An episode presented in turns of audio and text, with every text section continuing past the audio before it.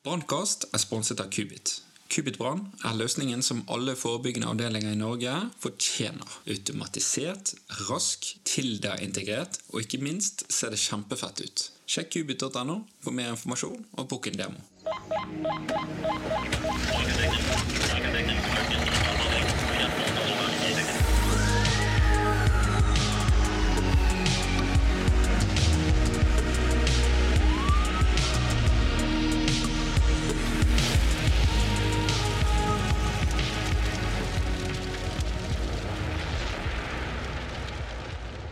Kan vi endre yrkesskadelovgivningen?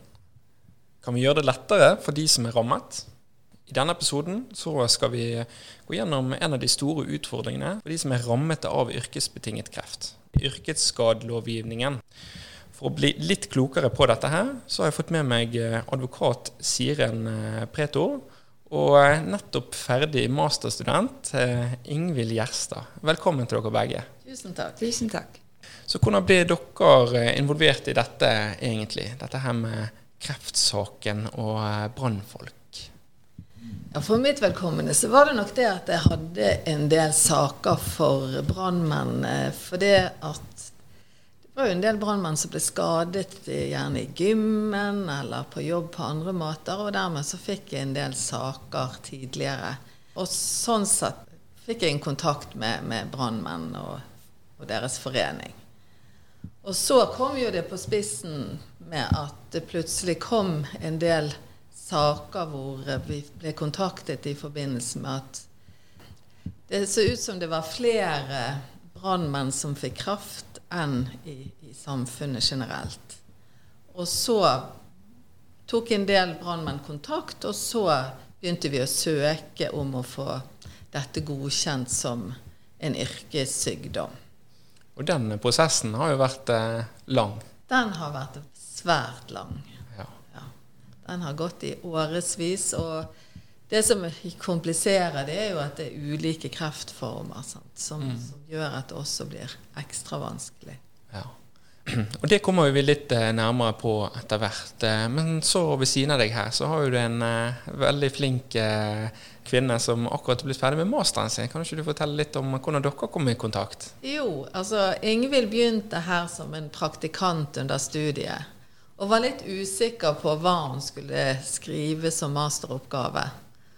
Og i og med at jeg hadde denne kontakten med Brannmann mot kreft, og de ønsket for så vidt en utredning om hva vi kunne gjøre for å endre eventuelt eh, loven, så fikk jo jeg den ideen om at kanskje jeg skulle høre med Ingvild om dette kunne være en oppgave som hun kunne tenke seg. Ja, og da eh, fikk jeg en telefon fra Siren når jeg skulle bestemme meg da, for eh, hva jeg skulle skrive om, og eh, hun foreslo at jeg kunne, kunne skrive om dette, brannmenn og kreft og, og, lovgivningen rundt dette her. Eh, og da leste jeg meg litt opp eh, på det, og så bestemte jeg meg for at ja, dette, dette, er jo utrolig viktig å få belyst og, og skrevet om. Så da tok jeg på meg den oppgaven. Mm. Ja, veldig bra. Så det var egentlig veldig tilfeldig. Mm. Ja, det er kjekt. Um, Siren, du har jo vært eh, advokat i flere saker. Hvordan har det vært? Jo, det har vært eh, Det har jo vært spennende, men det har også vært tungt fordi at det har vært vanskelig å nå igjennom. Slik at det blir jo eh, klagesaker. Sant? Så det er en langvarig prosess. Og det er klart at det er også utrolig tøft for de som står i det. Mm. Det, at du, det er ikke bare at du må prøve å få det godkjent, men så får du avslag, og så skal du klage, og så skal du prøve å finne dokumentasjon som gjør at du kan få dette godkjent. Mm. Ja, det må jo være helt brutalt å ta en kamp mens du er dødssyk. Ja.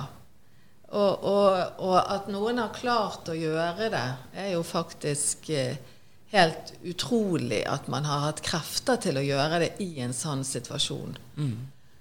Men da har man nok tenkt at dette er ikke bare viktig for meg eller for mine pårørende, men det er også viktig for mine arbeidskolleger, og det er viktig for Altså Hvis ikke jeg står i denne kampen, så, så vil kanskje ingen klare det.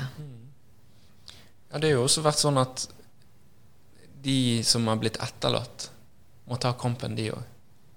Det må jo være også helt Så hele situasjonen er brutal. Det er veldig brutalt. Og det er klart du har mistet en som du er svært glad i. Samtidig så har den kanskje da gitt uttrykk for at de ønsker at familien skal ta kampen videre.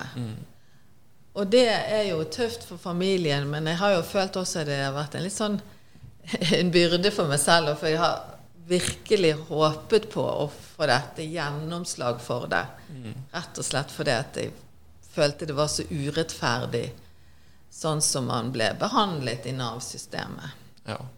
Ja Nav eh, er jo en historie i seg sjøl, sånn sett. Eh, men det er liksom det med en gang du har mistet noen, da, å stå på, e på egne bein, da, rett og slett, og ta den ekstra altså Det er jo en inntekt som bare forsvinner helt. Det må jo være vanskelig, rett og slett. Det er kjempevanskelig, og du skal på en måte Du skal, mest, altså du skal mestre en sorg, og du skal være der gjerne for, for barn og øvrige familie. Og så skal du også stå i den fighten, sant? for du har kanskje ja, lovet vedkommende at det skal du gjøre, at du skal stå i det. Så at det er en stor påkjenning, det, det er det ikke tvil om. Og jeg tror kanskje det er vanskelig for folk å forstå hvilken kamp de egentlig har vært igjennom. Mm. Det, det er vanskelig å forestille seg det. Men for å forstå litt hvordan denne her prosessen er, da. Hvordan fungerer det egentlig når man får kreft, og så skal man søke om eh, erstatning? Du er jo i utgangspunktet i en svært sårbar situasjon, og du har kanskje også svært lite krefter. Og så må du jo gå gjennom den vanlige prosessen sant? med at du må søke Nav om å få dette godkjent som en yrkessykdom. Og du må også for så vidt eh, ta kontakt med arbeidsgiver. Sant? De må sende inn papirer, du må kontakte forsikringsselskap. Sånn at det er jo en, en, en, en veldig omfattende, et omfattende arbeid. Og spesielt fordi at det er en yrkessykdom og ikke en yrkesskade hvor du har på en måte et uhell som lett kan dokumenteres, så må jo du begynne en prosess med å, å, å gå inn i hva er det du, er det du er blitt på, altså hva, hvilken påvirkning har du vært utsatt for. Og det er jo et veldig omfattende arbeid. Og det er klart at hvis du er syk, og alvorlig syk, så er kanskje heller ikke hukommelsen like god. Sant? Er, altså, du husker ikke detaljer på samme måte som du ville gjort hvis du var frisk. Det er sant. Jeg, eh, jeg merker jo selv på eh, når jeg har vært syk, eller når jeg har opplevd at andre er syke Nå er ikke det her av kreft, da, men jeg merker jo hvor lite jeg har lyst til å gjøre ting. Jeg har lyst til bare slappe av og på en måte bruke hvile og spare på kreftene. Her, her skal du på en måte bruke kreftene da på Ja, på, på noe som du selv i hvert fall mener det er en alvorlig sykdom som er blitt påført som følge av det yrket du har valgt. Men er det mye sånne kreftsaker i Norge? Ja, Altså Det er vanskelig å få helt oversikten over det, for det er jo noen som har kjempet med dette alene. Noen har brukt fagforening, noen har brukt andre advokater.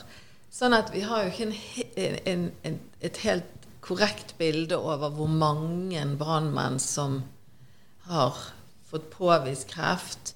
Det kan man kanskje finne ut ved at man, altså ved disse som er, har søkt, og, og Stami og sånn har nok en del rapporter. Men, men hvor mange som på en måte har vunnet frem, og hvor mange som har gitt seg underveis Jeg vil tro at det er mange som har på en måte gitt seg underveis. Sant? Når de får det første avslaget, kanskje de sender inn til klageinstansen. Sant? Men når du begynner om å gå til Trygderetten og videre i systemet, så er det nok mange som gir seg, også av økonomiske årsaker.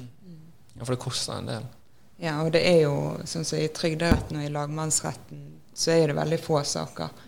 Det er kanskje 15-20 stykker som gjelder eh, brannmenn med kreft. Så eh, det viser jo gjerne at det er få som orker å stå i det over lengre tid. Mm. Hvorfor er det så mange som får avslag, da? Nei, det er, jo, eh, det er jo flere grunner. Det er jo en eh, komplisert eh, bestemmelse i folketrygdloven, så de skal eh, få godkjent eh, Altså vilkårene for for godkjent yrkessykdom, da. Eh, og det kan jo både være forskningen som ikke viser tilstrekkelig sammenheng mellom, mellom den påvirkningen i yrket, eller at man ikke klarer å dokumentere at du har blitt eksponert i, i så stor grad som, som loven krever. da. Her er vi jo på en måte litt sånn i sakens kjerne. sant? For det at veldig vanskelig å komme mange år etterpå og så si at ja, jeg ble eksponert for det og det. For man har ikke noe data på det. Man har ingenting nedtegnet. Og det gjør jo at disse sakene blir ekstra kompliserte. Og hvis du sammenligner med f.eks. denne kvikksølvdommen, som ble på en måte en litt sånn revolusjonerende i forhold til disse tannteknikerne, så var jo de utsatt for én ting. De var utsatt for kvikksølv. Så det var på en måte litt enklere å, å på en måte Selv om de hadde absolutt en, en kamp for å få det godkjent, men da var det liksom ett produkt som, som gjorde at, de fikk disse skadene. Mens for brannmenn så er det jo utrolig mange forskjellige ulike stoffer og påvirkninger som gjør at det blir ekstra komplisert, og som gjør at man også får ulike typer kreftformer. Ja, det er vel kanskje ikke mulig å, å kartlegge hva, hva påvirkningen er da, for brannmenn. For det er jo så mange forskjellige branner og materialet som brenner, og stoffene som virker i kombinasjon med hverandre. Kan man da si at dette har den brannmannen vært utsatt for eh, av påvirkning, da? Kan man kartlegge det? Ja, det er jo en del eh, stoffer som er kreftfremkallende i seg sjøl. Og så er det det her med den her eh, cocktaileffekten. Ja. De nuller vel- seg ikke ut eh, Det kan jo gi en ekstra påvirkning, da. Og, og det er klart at for, for 20-30 Ja, mindre enn det. Altså, men, men på den tiden så hadde man jo lite kompetanse om dette, og man visste lite om hvor farlig dette var. Og man hadde en helt annen bekledning. Man hadde helt andre tanker om hva som var farlig. Sant? Man, man, man tenkte ikke at det å være brannmann og det å gå inn i en brann kunne utsette en person for så mange typer stoffer. Og vi har jo hørt sant, at, eh, at ektefeller til disse brannmennene forteller jo at når de kom hjem, selv om de hadde dusjet, så hvis de hadde vært på en stor brann, så neste dag så var sengetøyet svart. Så det sier jo noe om hvilke stoffer som gikk inn i kroppen, og som på en måte ble svettet ut igjen. Mm. Og det er klart at alle de stoffene kommer ikke ut igjen. Jeg merker jo det selv eh, når jeg har røykdykket, da, eller vært i en brann. Det lukter jo av oss lenge etter, og det er for, for tørt av andre. Det er liksom vanskelig å få alt ut. da. Ja, Vi kan jo bare tenke oss selv hvis vi sitter og, og lager et bål og sitter rundt det en hel kveld. Og du kommer et, hjem igjen og bare kjenner på klærne hvor, det, hvor du føler at det, det, det stinker eh, brann. sant? Og, og, og, og det er på en måte noe helt sånn uskyldig forhold. sant? Og her liksom med, hos oss brannfolk så er jo det litt det her med at vi blir jo så sinnssykt svette, og da åpner jo porene seg opp, sant? for vi ønsker jo å kvitte oss med væske og salter og sånn Så. La eh, kroppen puster. puste. Og da kan jo også ting komme inn andre veien også, for porene åpne. Da blir det litt sånn veldig mottagelig, da. Og jeg ser jo gjennom tiden at vi har jo ikke vært så flinke, sånn som du nærmer eh, Sånn som du går inn på i forhold til det her med vasking av, altså av tøyene, da. eh, Ikke av vasking, men av tøyene. Eh, hvor skitne de er. Vi har hatt det på oss. Hele tiden kontakt med hud. Eh, gammel bekledning som bare ble lagt inn. og ja, Vi gikk skitne i brannbil. Det var vel liksom ikke noen vaskerutiner. Vi var hele tiden på en måte eksponert for noe. Ja, altså Der har det jo skjedd en revolusjon, kan man si, sant? med at man har fått disse her eh, skitne rom og rene rom. Og, sant? Men, men sånn var det jo ikke før. Sant? Og det er jo litt sånn viktig at at både de som forsker på dette, og de som utformer lovene, er litt klar over at, at det, det, det, var en, det var Historikken er jo utrolig komplisert i forhold til hva man var på hva, Altså hvilke stoffer en brannmann fikk i seg. Både under brann og etter brann. Men eh, du har jo hatt noen saker. Er det noen sånne stoffer som har skilt seg ut på en måte i forhold til disse sakene? Det er vel gjerne asbest Ja. som eh, Ja. har vært, men eh, for lungekreft, da. Ja. Så har jo de òg altså Det er vel bly og arsenikk og kadmium, så de gjerne har funnet en sammenheng med, med prostatakreft. da. Eh, Men det er jo Det, det er jo litt den cocktailen sant, du får eh, Ja. av alle produktene. Sant? Og i én brann er det kanskje veldig mye av det, og i en annen brann er det kanskje noe, noe annet. Sant? Og så er det jo alle de stoffene du har fått inn i kroppen i løpet av mange, mange år, som er klart at, at det påvirker jo kroppen på en, her en negativ måte. Og det er jo flere av de stoffene òg som er klassifisert som eh, kreftfremkallende. Og brannmannyrket i seg sjøl òg er jo klassifisert som kreftfremkallende. Og så er det jo en ting som, som du også skriver om i, i masteroppgaven. Sant? Altså, alle andre de løper jo ut av en brann, mens brannmennene løper inn i en brann. Sant? Og, og, og liksom å ha det med seg eh, tenker jeg er litt viktig. Vi ønsker jo å redde folk. Ja, Vi ønsker jo å redde verdier. ja. Og det er litt det Og da er det litt sånn viktig at vi har respekt for den jobben dere gjør, også ved å tenke at man burde kanskje endret den loven. Ikke bare burde, men man må endre den loven.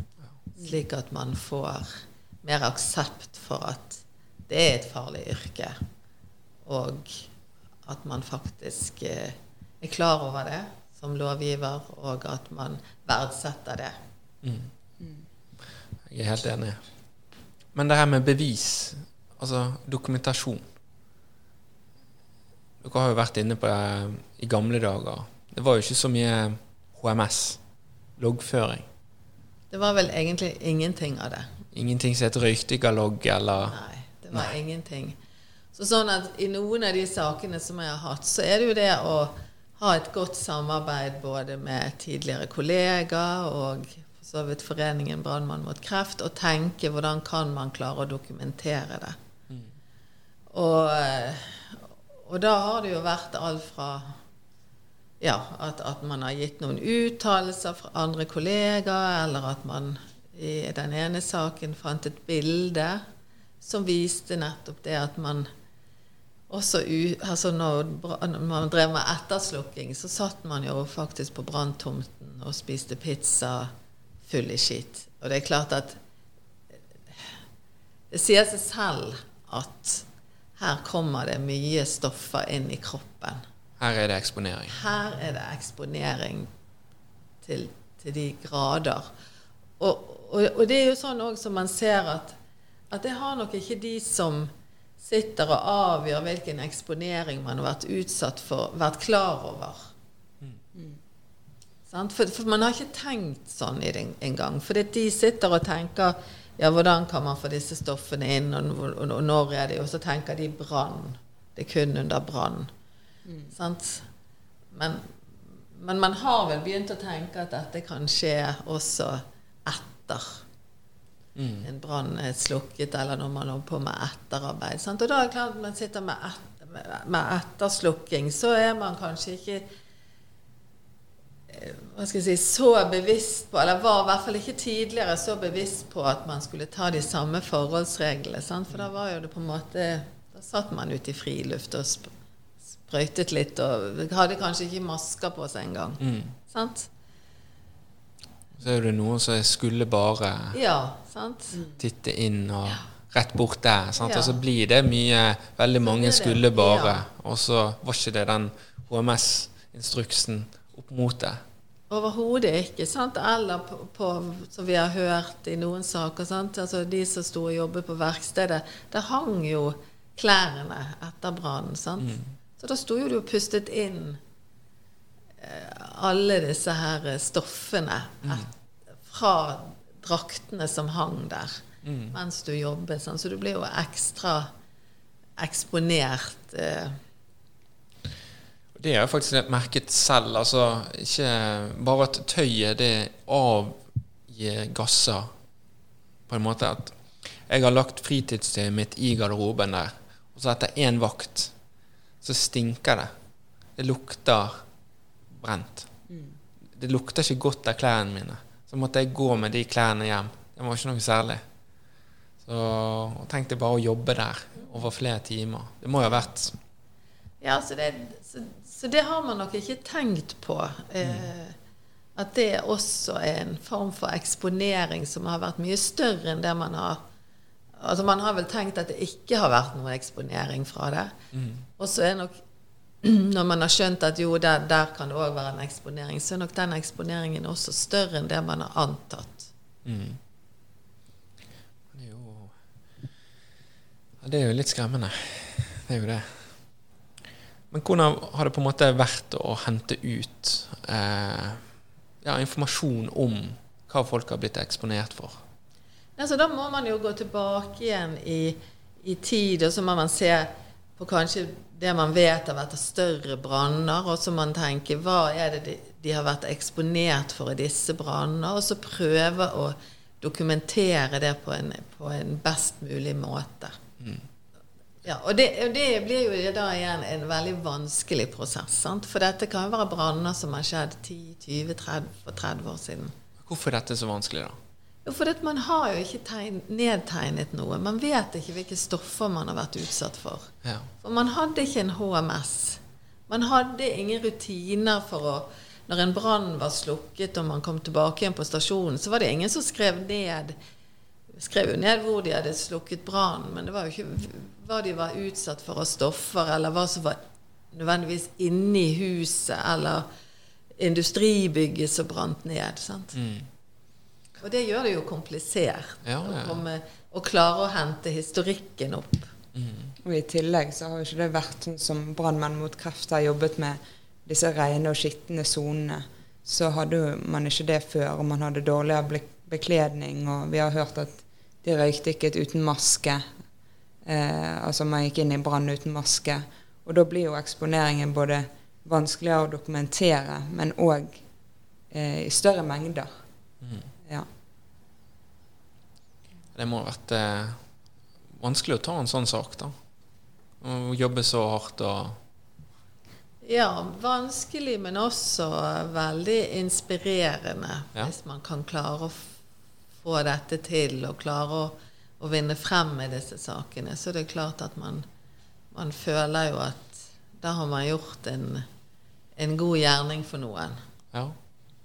Når det betyr noe, så, så er det kanskje litt ekstra giv og ja. Det er det absolutt. Og i hvert fall når du vet at noen av disse sant, har kanskje ikke fått oppleve den jeg håper å si, At man vant frem, men at man i hvert fall vet at, at man har klart det for familien sin del, og at det kan gjøre at de i hvert fall har en bedre økonomisk trygghet, så, så er jo det veldig inspirerende, og det gir en god følelse for at man har tross alt fått til noe, selv om man ikke fikk det til når, når de levde. ja. ja. Det er viktig å ta saken. Så gjør man det lettere for alle andre. Ja. Eh, men jeg syns det er litt sånn rart, fordi at ikke noe som heter presedens. Altså, vi har jo fått noen saker som har gått veien. Vil ikke det føre til at andre saker går? Eller jeg, ja. Jo, altså nå har jo ikke vi oversikt over de sakene som eh, alle som har fått godkjent i, i, Nav, da. Men vi har jo oversikt over de i Trygderetten mm. og lagmannsretten.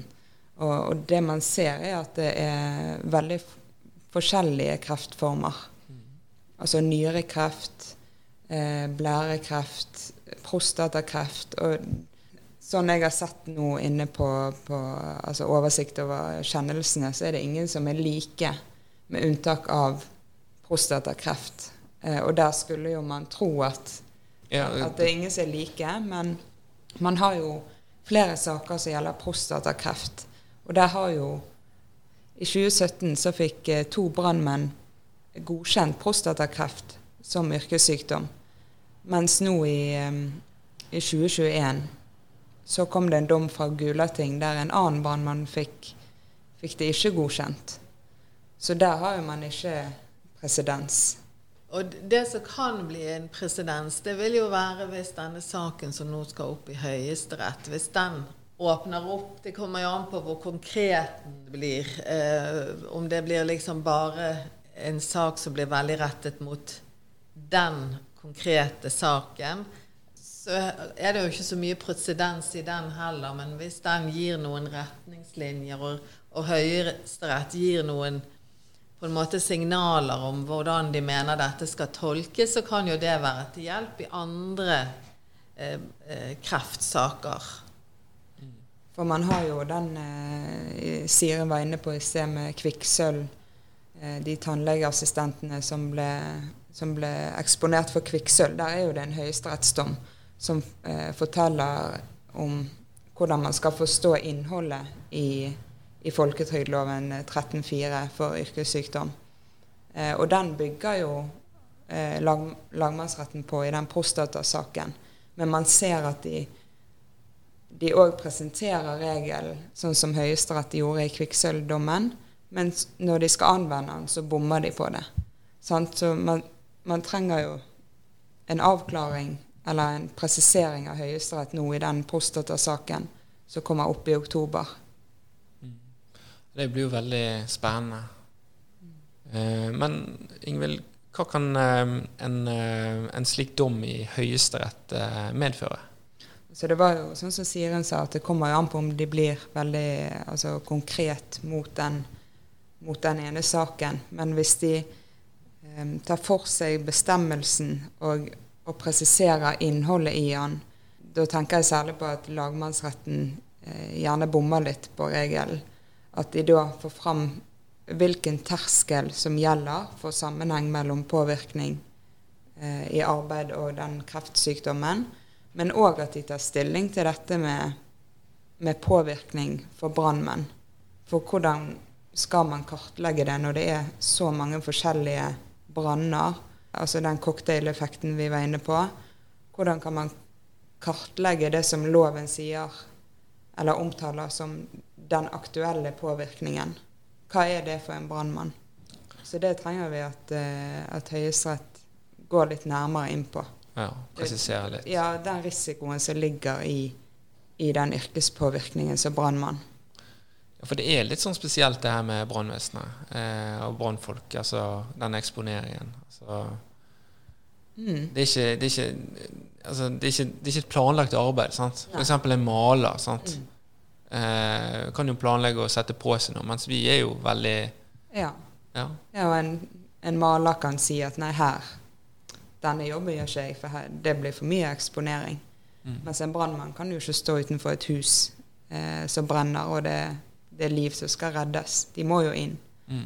Eh, og da starter jo eksponeringen da, og så slutter han når man har fått dusjet gjerne flere ganger, som vi har forstått at gjerne må til. Ja, så det er jo en, er jo en enorm risiko i, i det brannmenn gjør, med tanke på den eksponeringen de utsettes for. At den er både uklar, men òg enorm. Du har jo eh, vært så flink å skrive en masteroppgave om dette her. Hva har denne handlet om, egentlig? Nei, den gikk jo på dette med, med vilkårene for å få godkjent en yrkessykdom, eh, men rettet inn mot brannmenn med kreft. Og Eh, da så jeg på eh, hvordan gjeldende rett er. Altså hva er vilkårene, og hvor ligger terskelen for å få, få det godkjent. Eh, og deretter så gikk jeg inn i å, å se på regelen sin anvendelse overfor brannmenn med prostatakreft. Ja, Ja. med prostatakreft. Eh, og videre så tok jeg en, en rettspolitisk vurdering da, på om, om loven bør endres, eller om det er andre tiltak som bør gjøres. Og hva har du konkludert med? Nei, jeg har jo konkludert med at det bør, loven bør endres da, eh, for brannmenn.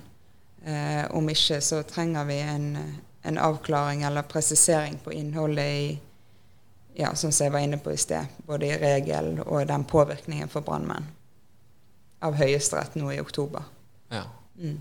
Spennende. Vi, vi skal jo gå litt nærmere inn på det her med endring av yrkesskadelovgivningen litt lenger nede. Men eh, du hadde jo ikke noen sånn særlig erfaring når du begynte med dette her. Eh, Det må jo ha vært ganske nytt for deg å lære om dette.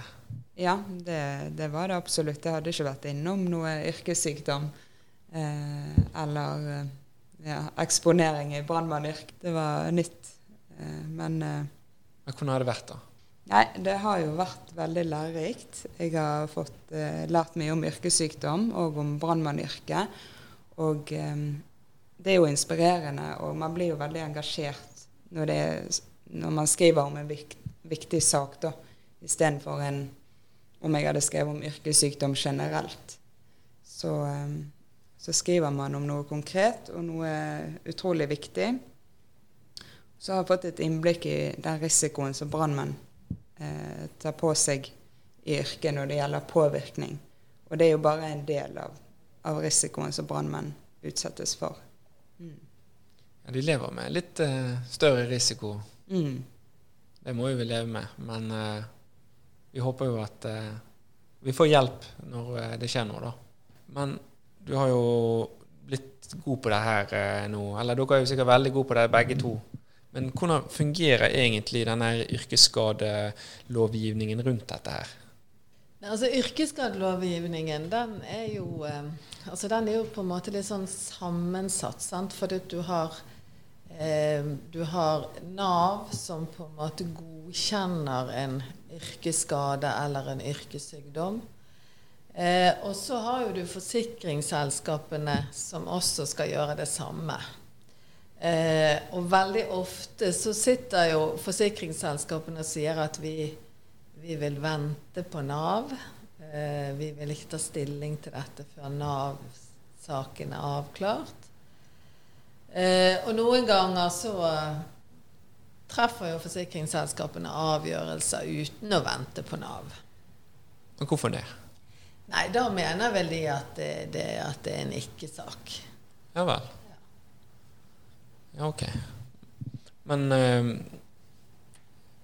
altså du må få en, en eh, Er sånn å forstå at du må få eh, først dokumentert det her med sykdommen hos lege, og så må du ta det videre til Nav, og så blir forsikringsselskapet koblet på, Ja. og så hva skjer deretter? Nei, så må man jo da Hvis, hvis det blir en godkjent yrkessykdom, Ja. eh, så utløser jo det noen rettigheter. Eh, og det vil være både rettigheter i forhold til Nav, og det vil være rettigheter i forhold til yrkesskadelovgivningen, eller yrkesskadeloven. Eh, for enhver arbeidsgiver er pliktig til å tegne en yrkesskadeforsikring på de ansatte. Og eh, det som på en måte du får hos Nav, det vil være da en, eh, en, eh, en eh, yrkesskadeerstatning, eller det vi kaller for en menerstatning. Men det er også noe du kan få hos forsikringsselskapet.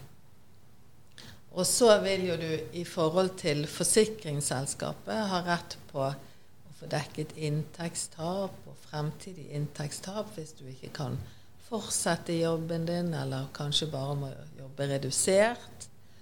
Og hvis det går riktig ille at du faktisk dør av denne sykdommen, så vil jo det utløse erstatning for de etterlatte.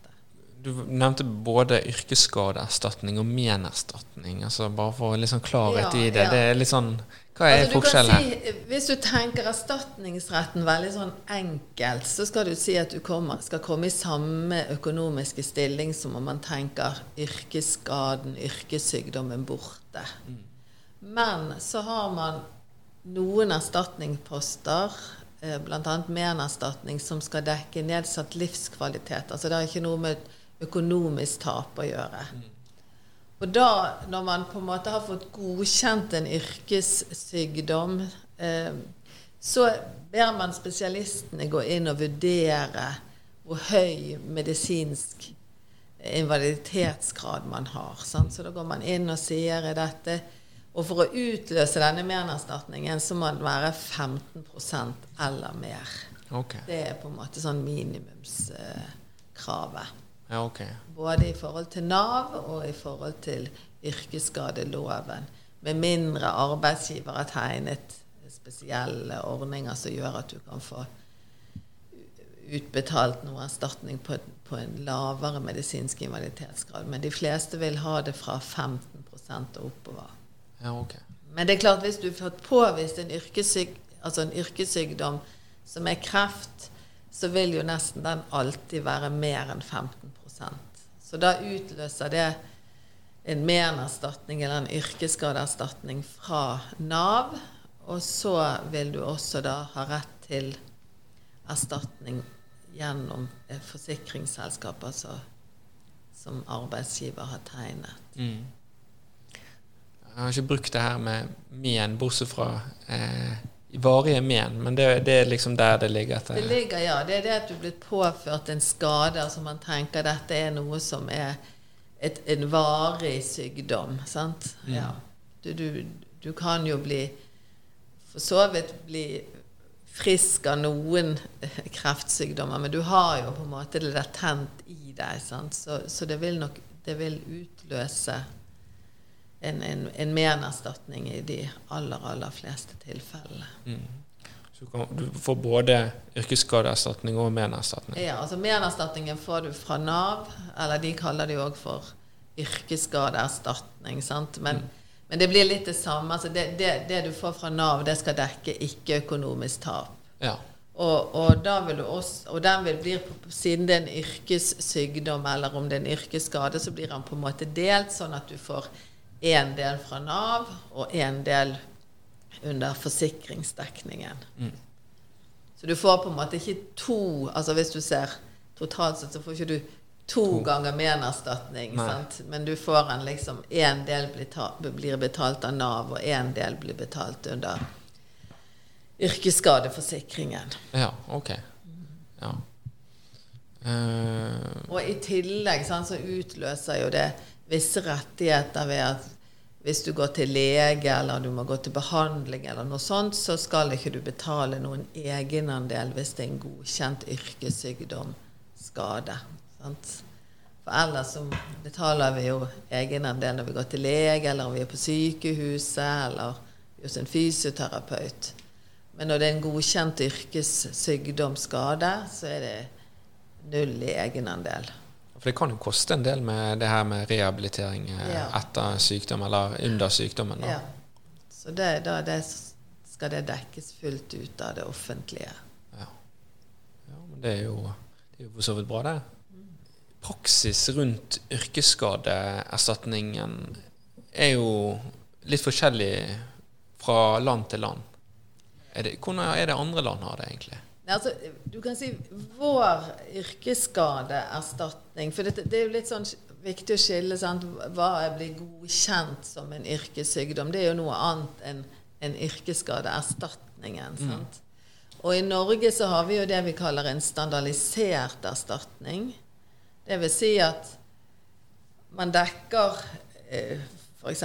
inntektstapet individuelt, for det er også innen brannmannyrket så kan jo det være ulik hva man tjener. sant? Og noen kan ta på seg kanskje ekstra vakter, og eh, noen jobber kanskje bare de vaktene man på en måte er pålagt å ta.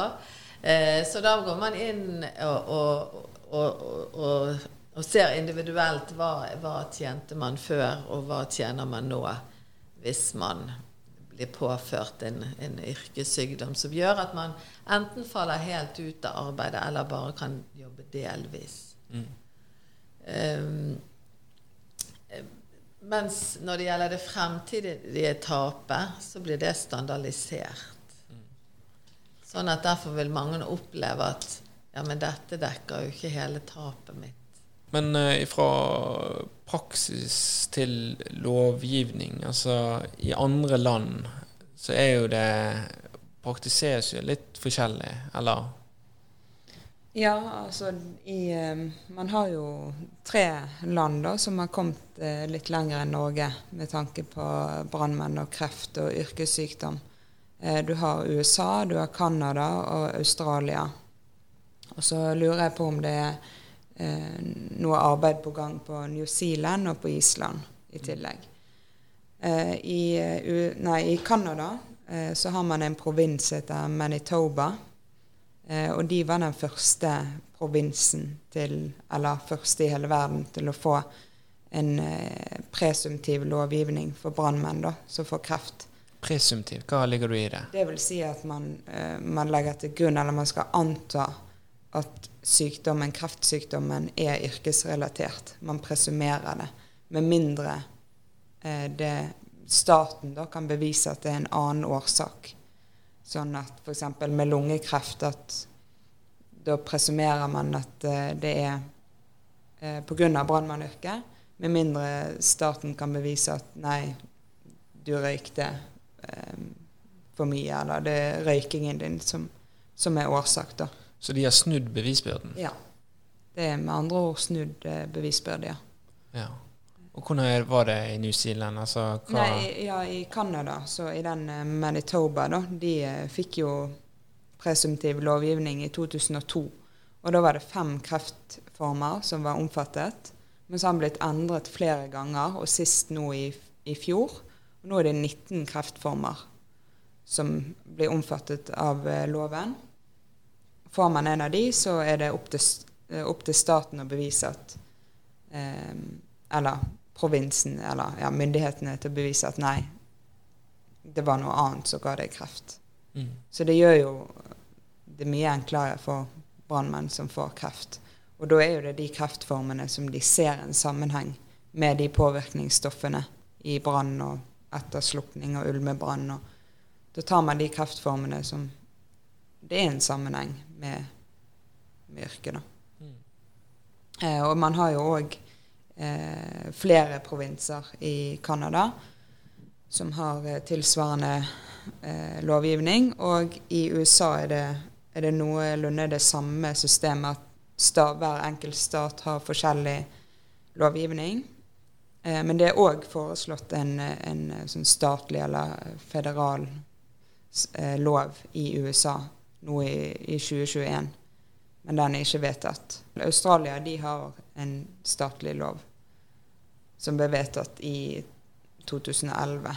Er alle de presumptiv? Ja. ja. Og da har man man har de ulike kreftformene, sånn som altså hjernekreft, prostatakreft, nyrekreft. Men da har man de ulike kreftformene som står i loven. Og så har de òg eh, sikkerhetsventiler. da, At f.eks. For, for prostatakreft så må man ha arbeidet som brannmann i i 15 år for at man skal være omfattet av loven. Det er jo fordi at det er så mange år med eksponering som, som kreves for at det er en sammenheng. Da. Mm. Så det er jo en måte som Norge kan se til, eller en lovgivning som Norge kan se til. For da får man de sikkerhetsventilene. At ja, for en som har jobbet to år som brannmann som får prostatakreft, så henger ikke det helt sammen med at det er yrket, da mm. som er årsaken. Og, og, av den grunn så tenker jeg òg at da er det ikke så skal si, farlig for, for, for lovgiver å endre den loven, altså i Norge.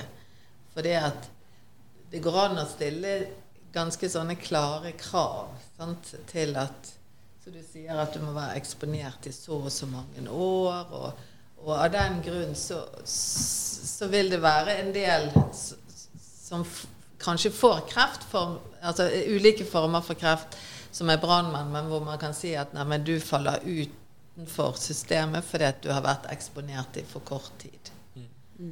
Sant? Sånn at hvis det er et argument at dette blir en, en for dyr ordning, så, så er egentlig ikke det noe argument. Nei, og det man har sett eh, i, eh, i Canada, eh, dette med altså, samfunnsøkonomiske hensyn som kan eh, tale mot å endre loven, da, så ser man at eh, lovgivningen har gjort at man retter mer fokus på kreft i brannmannyrket. Og da gjør man Man får bedre forebyggende tiltak. Man, altså, så det blir ikke dyrt. Fordi at man minsker kreftrisikoen med å altså, sette ressurser inn og ja, bekjempe kreftrisikoen. Og, og det er jo kanskje litt det som Brannmann mot kreft har gjort. Sant? Man har belyst veldig godt farene ved dette og fått dette frem i dagen. Så, så der har jo Brannmann mot kreft gjort en kjempeinnsats. Mm. Få til holdningsendringer og alt. Og det. Det, det bør de heller applaudere enn å på en måte nekte dere å få erstatning. Mm.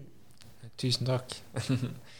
um, for det som er litt her med loven, det er jo det at den, den dekker jo ikke alle på samme måte. Eh, eller hvordan skal jeg si det? Altså, loven kan ikke treffe alle sånn som den er, pga. brannfolk er utsatt sånn som de er.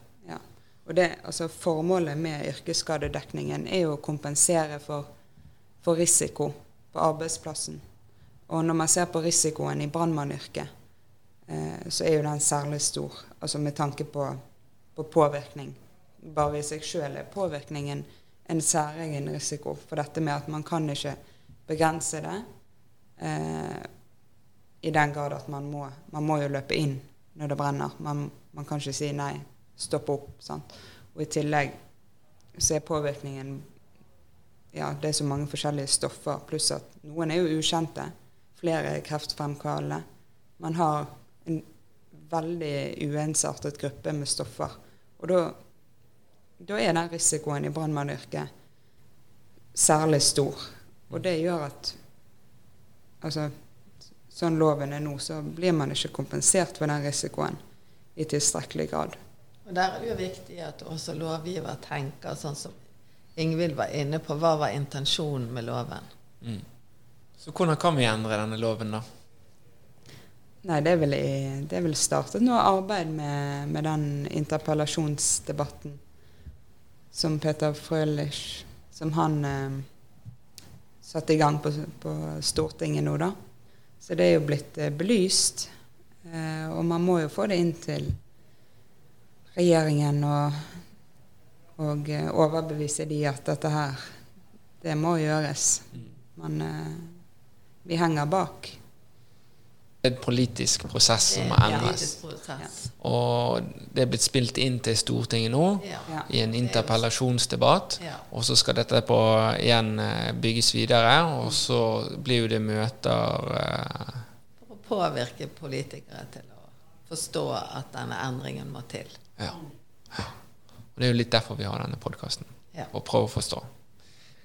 Sånn avslutningsvis Nå er jo ikke dette her eh, noe som har skjedd ennå. Og det er jo noen saker som er pågående, og det kommer nok til å bli flere saker. Hva er det som er de viktige suksesskriteriene for på en måte få en sak gjennom? Nei, det er jo igjen dokumentasjon, dokumentasjon, dokumentasjon.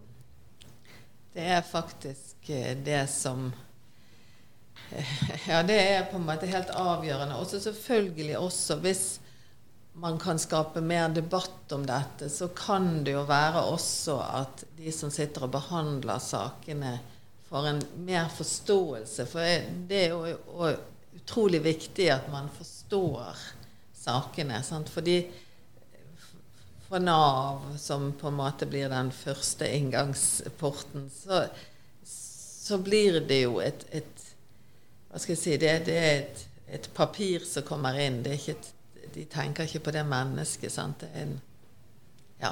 Mm. Eh, og hvis du får mer forståelse i samfunnet for hva en brannmann og brannkvinner utsetter seg for, eh, så tenker jeg at kanskje når man sitter der og leser disse her journalene, og kanskje man har litt mer forståelse og, og er villig til å også kunne tolke det litt annerledes enn så strengt som man har tolket det per i dag.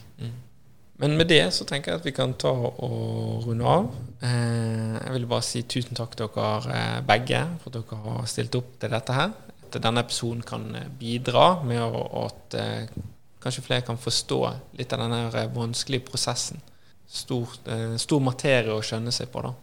Jeg håper flere som kan forstå den vanskelige prosessen rundt dette, som kan bidra til at eh, ja, rett og slett prosessen blir enklere. Så ja, takk for at eh, jeg kunne komme til dere, eh, og takk for at eh, Takk for at dere kom og besøkte meg på podkasten. Tusen takk for at vi fikk være med. Ja, Yes. for oss. Takk for, eh, takk for nå.